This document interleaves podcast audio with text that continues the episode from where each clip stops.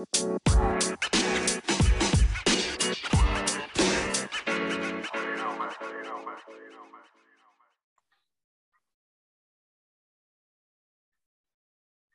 a tothom, benvinguts un cop més a Futbol sense guió. Avui amb un convidat que és un honor i un luxe de tenir aquí. Uh, ell és uh, Fabián, Fabián Coito, és uruguaià, és exfutbolista professional y exseleccionador nacional de Honduras y, y de Uruguay. Primero de todo, señor Coito, ¿cómo se encuentra? Bueno, buenas tardes. Muy bien, mucho gusto y muchas gracias Álvaro por la consideración y, y un placer conversar contigo. Bueno, el, el placer es, eh, sin duda, es, es, mío, ¿no? ¿no? No siempre se puede tener a, a una persona uh, como usted aquí en, en, el podcast. Eh, em, si le parece, empezamos.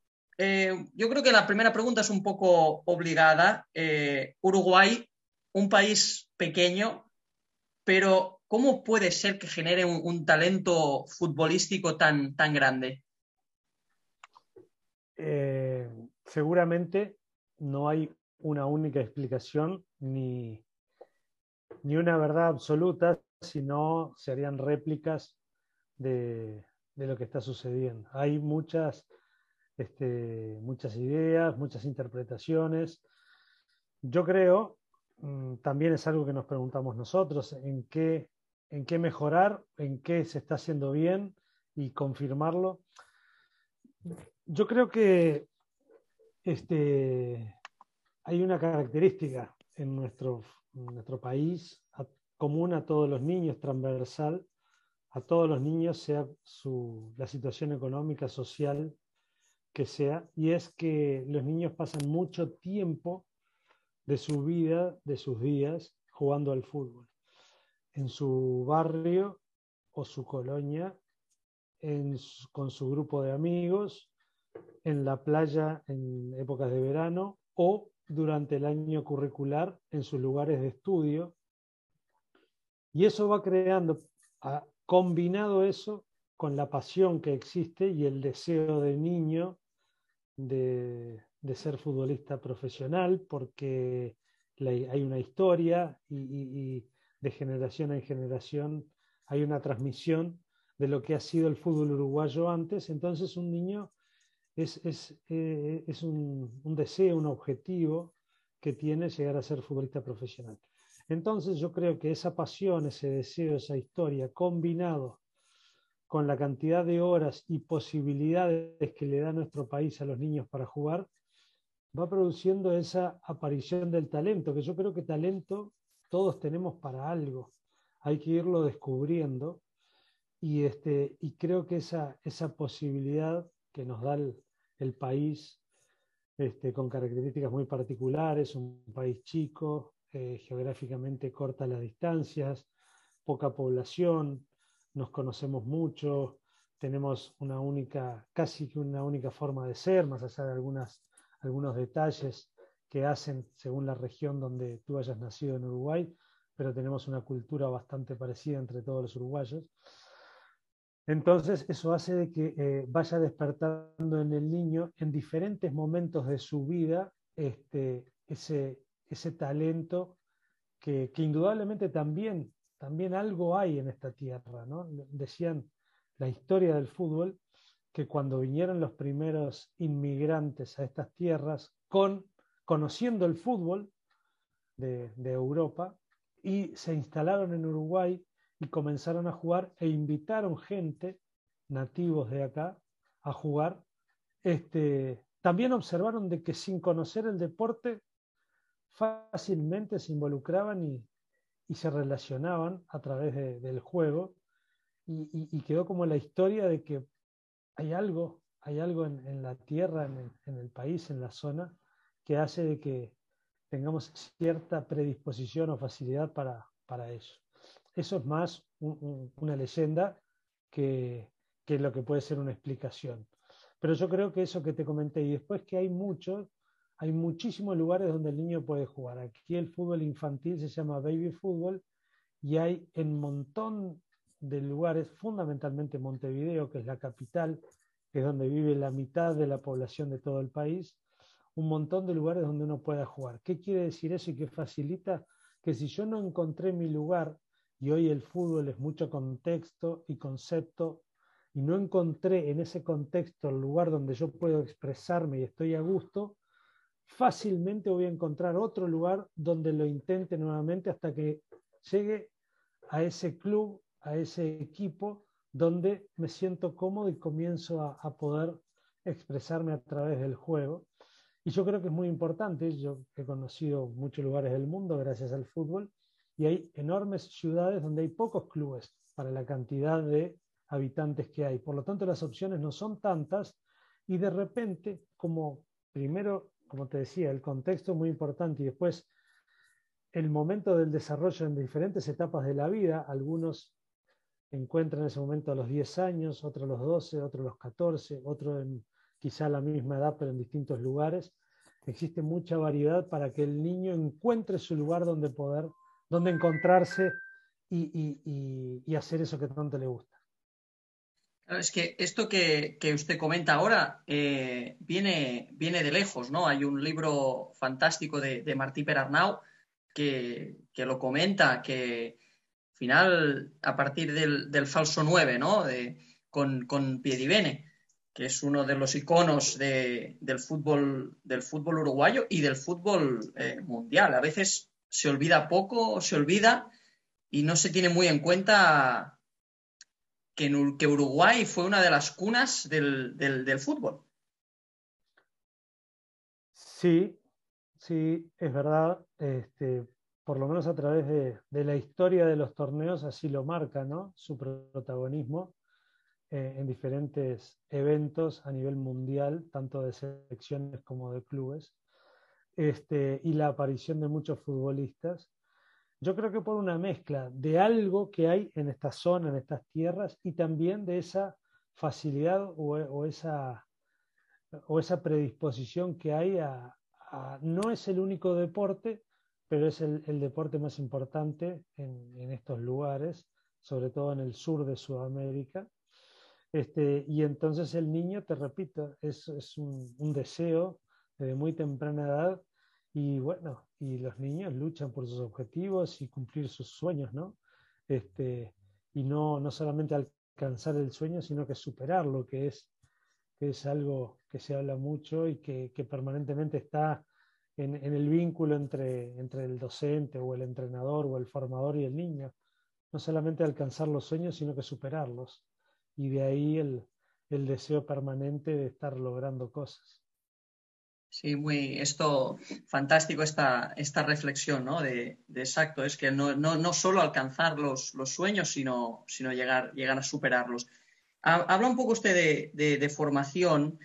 Eh, ¿Trabajan de alguna manera distinta en las categorías inferiores? ¿O qué más o menos, porque al final lo que hablábamos, ¿no? Del, éxito eh, de los futbolistas uruguayos, ¿no? Que están, que en, todos los equipos de europeos eh, están, siempre hay, hay presencia de, jugadores uruguayos. Eh, la formación, ¿no? La, formación en, en, las categorías inferiores, donde usted estuvo trabajando durante mucho tiempo, ¿cree que influye en, esa, en esa, llegada a, profesional? Sí, sin duda que sí. Y no hablo de que acá sea una gran formación a nivel este, de desarrollo, de, de desarrollo en cuanto a la capacidad de los entrenadores, sino te repito, a esa facilidad para encontrar lugares donde poder desarrollar el juego e ir descubriendo de forma eh, individual.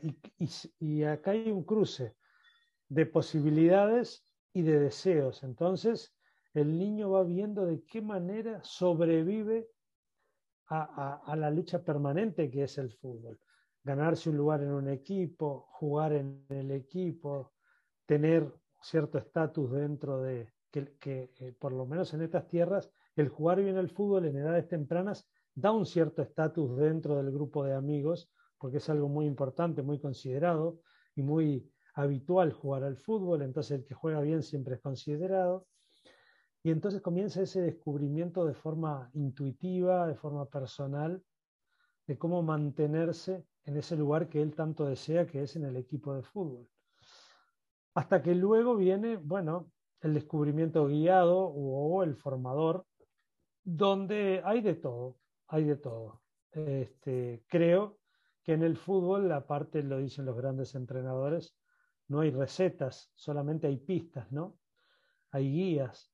Eh, y yo creo que es importante el fútbol formativo en Uruguay, es muy competitivo, de ahí que el futbolista uruguayo este, es competitivo y es en condiciones relativamente precarias. Yo voy mucho a lugares de entrenamiento de divisiones juveniles, sobre todo en estos momentos que dispongo de tiempo, y, hay clubes que, están, que trabajan con buenas infraestructuras y hay algunos que no.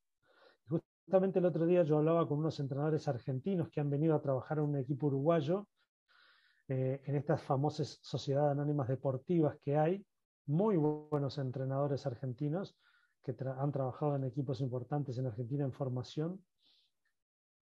Y entonces, mira lo que él me decía el otro día.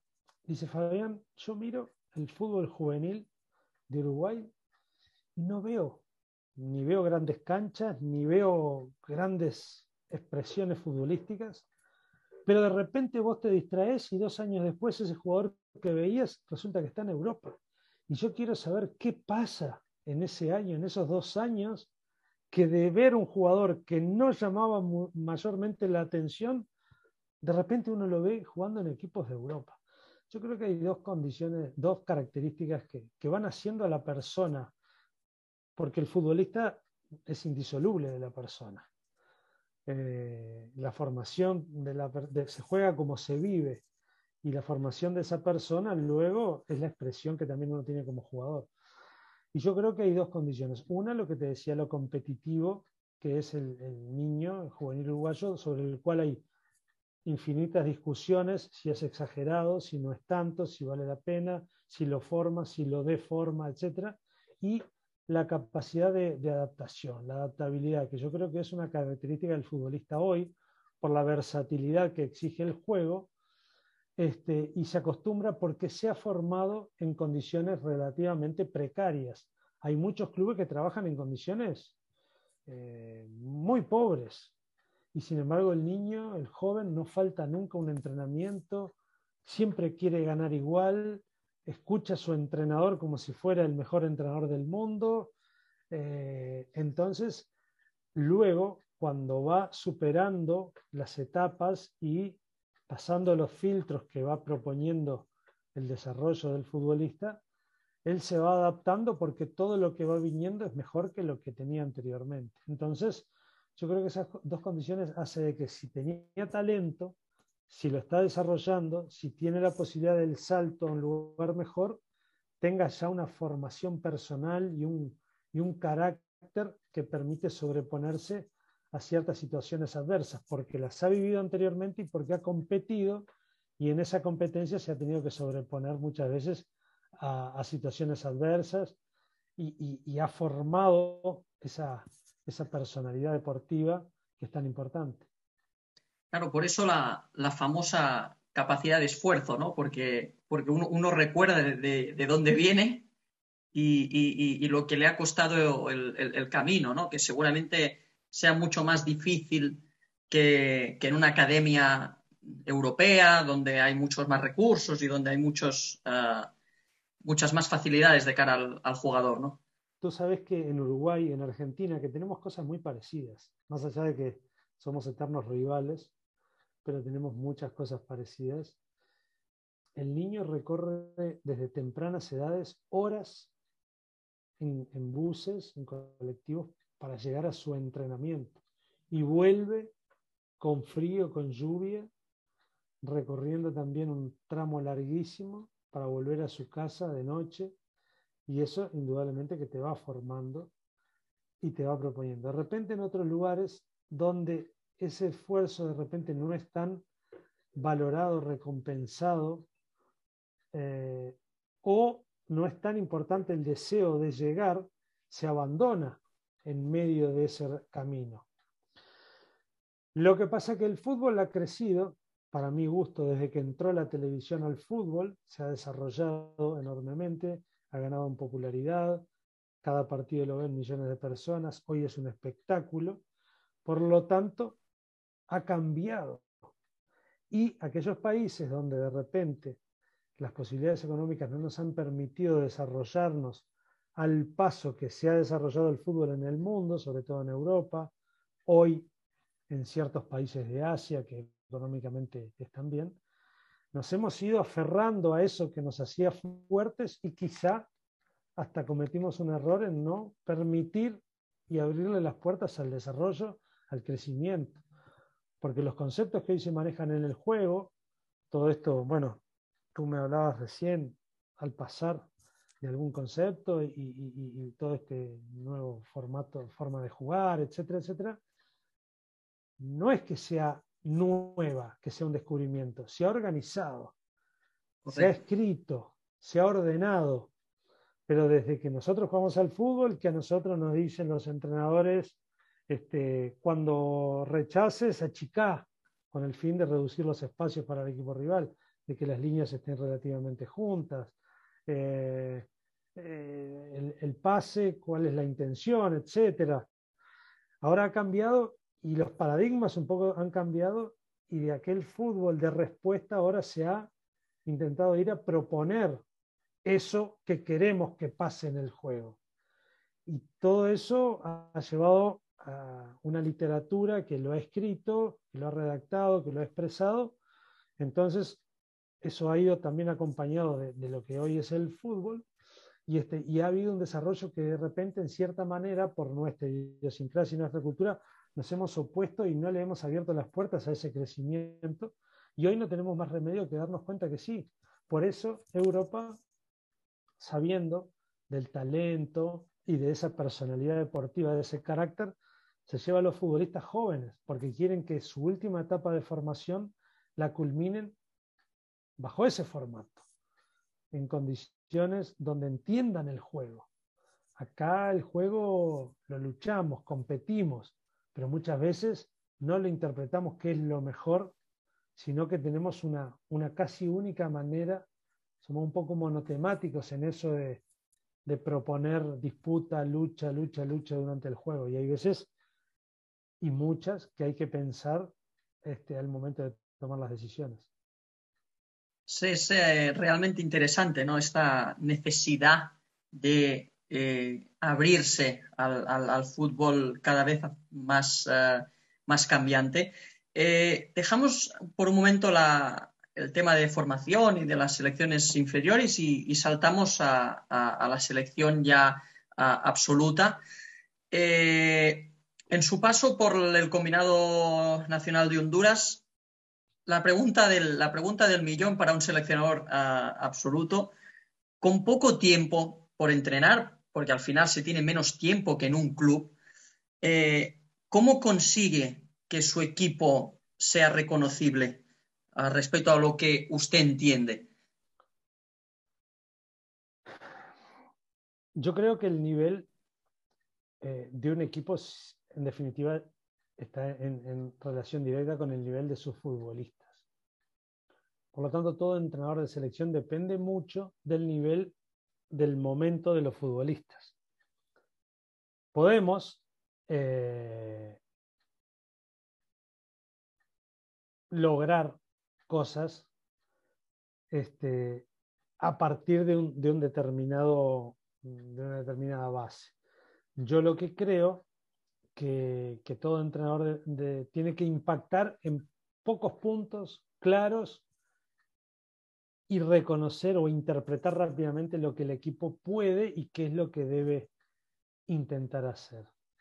No es nada fácil ser entrenador de selección porque, como tú decís, en muy poquitos días hay que lograr una expresión o, transmitir una idea y, y, en eso de transmitir una idea que parece tan fácil y que lo hablamos tan fácil, hay tantos tantas cosas, capacidad, primero conocimiento. Segundo, hay que saber cómo se aprende para saber cómo se enseña o cómo se transmite. Capacidad de transmitir, porque a veces en nuestra cabeza tenemos las cosas muy claras y, y la transmisión no fue buena. Y te decía Álvaro, bueno, continuando con lo que tú me decís, este, porque generalmente en clubes como que tenemos tiempo, a veces no, pero el club permite, o por lo menos más posibilidades de, de convivir con el futbolista, más, más, más entrenamientos, más preparación, y, y, en la selección tenemos que interpretar bien lo que tenemos por delante, qué vamos a llevar al, al partido y qué futbolistas elegimos para que este, participen de, de, ese partido. Entonces, es, es, una gran experiencia dirigir selecciones nacionales porque recibir futbolistas un día de distintas partes del mundo, de distintos, jugando distintas ideas, distintos modelos, y, e intentar llevarlos todos. Yo creo que hay que apuntar mucho más por algo que, que, no hemos hablado y que es muy importante en el fútbol, que son las relaciones humanas hay que darle mucho espacio a eso, eh, a lo que significa un poco el compromiso, este, el involucramiento en la idea, y hasta también te diría que desde la expresión futbolística darle mucha participación a de qué manera ellos rápidamente interpretan o hasta percibir el entrenador sin preguntar para no caer en, en, en, la, en el entrevero de quién toma las decisiones, eh, interpretar cuál es la mejor idea que se acomoda a la característica de futbolistas que tenemos. Es, es realmente es importante, ¿no? La, la, las, las, relaciones humanas, sobre todo eh, el, el, factor tiempo es el que quizás priorice ¿no? las, las relaciones humanas, porque si no, cuando uno tiene tiempo a la hora de entrenar, bueno, las relaciones humanas son más importantes, pero el tiempo de convivir y buscar un, un objetivo común eh, ya, ya, te llega, ¿no? Ya te lleva a estas relaciones humanas, pero al final, con poco tiempo, es eh, realmente importante. Hablando otra vez del, factor este del, poco, de tener poco tiempo para entrenar, cuando se prepara para una, un combinado nacional, para una competición, ¿se centra más usted en el próximo rival o, o en, fomentar aspectos propios? Eh, ¿a, qué, ¿A qué valores, a qué factores le da más importancia? Yo creo que depende de cada partido, de cada momento, de cuánto la idea nuestra esté incorporada y cuánto del rival también podemos este, saber para, para intentar primero limitar y después también cuáles son los factores o cuál es la manera que podemos de, de hacerle cierto daño al equipo rival. Así que yo creo que cualquiera de las dos, este, según el partido, hemos hecho mayor hincapié. Por ejemplo, hay selecciones donde la propuesta de las selecciones estaba bastante clara, entonces por lo tanto nos concentrábamos mucho en lo que íbamos a encontrar en el juego y de qué manera íbamos a intentar este, limitar al rival y de esa manera comenzar también a, lograr este, ventajas para, para, nuestro rendimiento. Cuando de repente alguna selección, por determinados motivos, porque ha variado mucho, porque ha hecho nuevas convocatorias, porque no lo hemos tenido oportunidad o ha cambiado de entrenador. No tenemos un gran conocimiento de qué selección íbamos a enfrentar.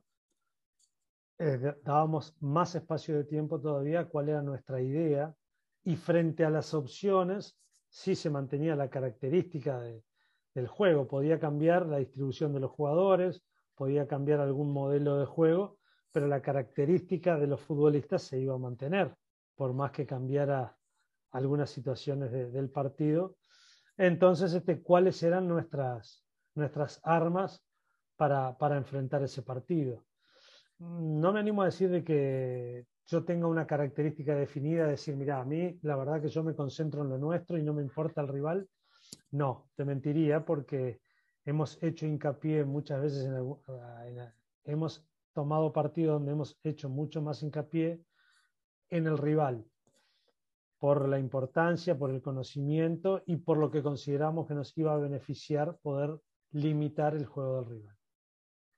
Y, en cuestión eh, metodológica, a nivel de, entrenamiento eh, en, sí, eh, ¿se centran más en, aspectos más globales del juego? O... Sí, e, en este poco tiempo que tenemos de tres días, era, era una, una permanente intercambio de ideas al momento de la preparación de los contenidos de esos poquitos días, lo más global, lo más sistémico posible, lo más contextual posible, ¿no? Eh, querer lograr o, decir que, mm, que, iba a ser importante el pase entre líneas por, por, por la distribución, por el formato, por, el daño que iba a ser recibir a la espalda de, una línea de presión rival que no lo podíamos hacer mucho en forma individual. Podíamos hablarlo, podíamos mostrar algún video, pero básicamente lo que era el trabajo de campo teníamos que ir, que estuviera dentro de ya la preparación del partido. Si bien cada entrenamiento intentábamos que tuviera todo un hilo conductor, ¿no? Desde, desde la charla, desde el video, desde la activación, hasta el último ejercicio, drill o como le llames, tenían, estaban relacionados en cuanto a cuál era la temática, si era este, qué parte del ciclo de juego, cómo defendíamos y a través de recuperarla cómo atacábamos o cómo estábamos atacando y cómo completábamos eh, el ciclo defendiendo. Es que es muy, es, bastante eh, interesante lo que, lo que usted comenta. Eh, siguiendo con el, con el factor tiempo, ¿cree que es más fácil eh, para una selección nacional tener un, estilo de juego reactivo antes que, ser eh, proactivos? Depende del potencial de la selección, ¿viste, Salón? Hay selecciones que tienen una característica determinada y es muy difícil cambiarles.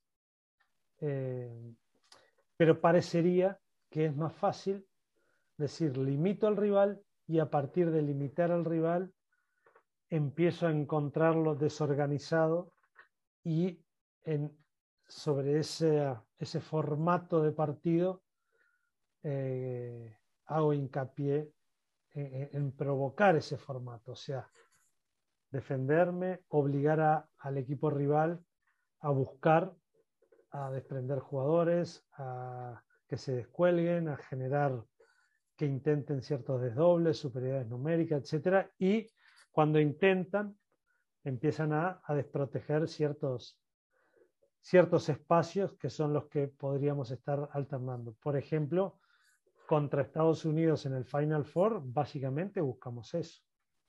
Cortar ciertos circuitos, hablar de las características de ciertos futbolistas, saber que se iban a comenzar a desprender jugadores, sobre todo los jugadores que jugaban por, bandas para generar superioridades y, ocupar espacios generados por los extremos, en ese caso eran Reina y Pulisic, y que nosotros, estudiando la característica y viendo dónde podríamos, dónde nos íbamos a ser fuertes y recuperar, de qué manera. Y la verdad que hicimos un gran partido y perdimos un partido que cualquiera de los dos lo podría haber ganado, lo perdimos casi que en el último minuto de juego. De repente había otros partidos que no, que buscábamos eh, por jugar de local, por la característica del rival, por los jugadores, buscábamos cierto protagonismo o provocar cosas y bueno, y a veces nos salió y otras veces no. La verdad es que es muy, eh, es muy interesante, ¿no? Lo que usted comenta, porque al final como que se, eh, se tiende a desprestigiar al que utiliza recursos eh, reactivos, pero al final todo se tiene que poner en un contexto, ¿no? Al final uno a veces no dispone de los jugadores o no dispone del tiempo para proponer. ¿no? Sí, aparte, eh, ese formato de, de, ese fútbol moderno, por llamarlo de una manera, que nos cautiva y que nos gusta y que nos encanta y que por supuesto, ¿qué más quiero yo que, que disponer del balón la mayor parte del juego? Porque me va a acercar seguramente a ganar el partido, porque para ganar en algún momento hay que tener el balón para convertir. Este, y, y como, como, como hablan bueno, muchos entrenadores, posible es todo, lo que hay que intentar es lo más probable. Exactamente. Y lo más probable es que si la tengo yo y no la tiene el rival, digamos que por lo menos a ellos les va a costar ganarme y van a tener que esperar solamente un momento que me encuentren desorganizado. Es posible, claro. Dentro de las probabilidades, la mayor probabilidad la tiene el que tiene, dispone del balón. Este, y lógicamente que me bautizo, pero también como tú decís, hay que disponer de jugadores que lo interpreten, que tengan esa capacidad y que tengan, para mi gusto, una buena formación. Que hablando de Uruguay, está mejorando la formación en cuanto a eso de disposición del balón, de tenencia, de desorganizar al rival a través de la circulación del balón, de interpretar el, juego a, través de los espacios y del tiempo. Y Honduras no lo tiene porque la formación de, de, del futbolista joven hondureño es diferente. Me parece que, como lo hablé siempre, no es que estoy hablando algo que no dije, a ellos mismos hay que mejorarla, hay que trabajar, hay que darle otras cosas al futbolista joven. Eh, en Uruguay también en un momento se dijo, el que juega en canchas malas, juega en canchas buenas. El que sobrevive a estas dificultades después se adapta a cualquier cosa. Pero el mundo ha demostrado de que hay parte de la verdad, es incompleta esa verdad. También es verdad que si se les da buenas condiciones y buenas características y se les enseña, el futbolista evoluciona. No tiene por qué solamente ser fruto de la lucha, del esfuerzo y del sacrificio, como único argumento para formarse como jugador. Y yo creo que tanto Uruguay, pero sobre todo Honduras, tiene que mejorar muchísimo en eso que yo siempre dije. Para mí es la combinación de tres factores, formación de entrenadores, infraestructura y competencia.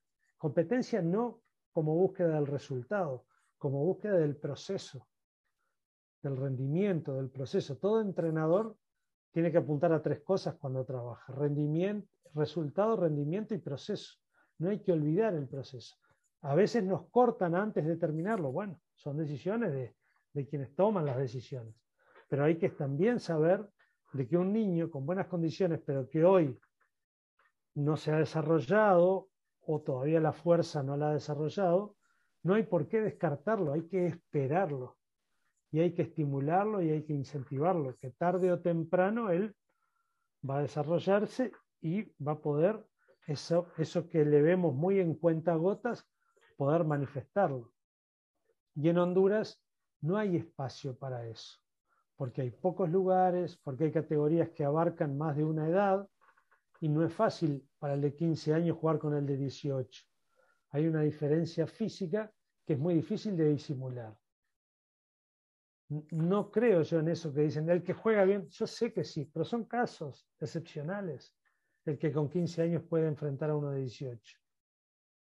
El que se desarrolló prematuramente, que no asegura que vaya a jugar al fútbol, porque quizá es fruto del desarrollo prematuro y no del talento, que fue de las primeras cosas que tú me empezaste a hablar, que en definitiva es lo que el rasgo distintivo ¿no? de un jugador, la capacidad para jugar, no la capacidad para, para luchar. Sí, totalmente, totalmente de acuerdo. La verdad es que son reflexiones fantásticas eh, es una lástima porque el tiempo nos obliga a, a, dejarlo aquí. Eh, ha sido un placer enorme, eh, de verdad. O sea, cuando empecé eh, con el podcast no me esperaba tener a una persona que ha entrenado en selecciones, selecciones nacionales como usted. muchas gracias, de verdad. Le agradezco su presencia hoy aquí y, y, al, y a los oyentes, pues uh, que disfruten y, y, nos vemos en la próxima. Primero, personalmente te agradezco, te felicito por estas inquietudes de compartir, es la mejor manera de, que todos crecemos, también a través de, de escuchar a entrenadores. Y, este, y bueno, no será la última vez seguramente, así que cuando tú quieras, con mucho gusto, conversamos de otros temas y, y también yo escucho, como escucho tantos podcasts, para seguir aprendiendo y creciendo, por supuesto. Gracias por la consideración y hasta cualquier momento. Muchas gràcies, senyor Coito. Uh, doncs fins aquí el capítol d'avui. Ens veiem en els pròxims capítols. Moltes gràcies.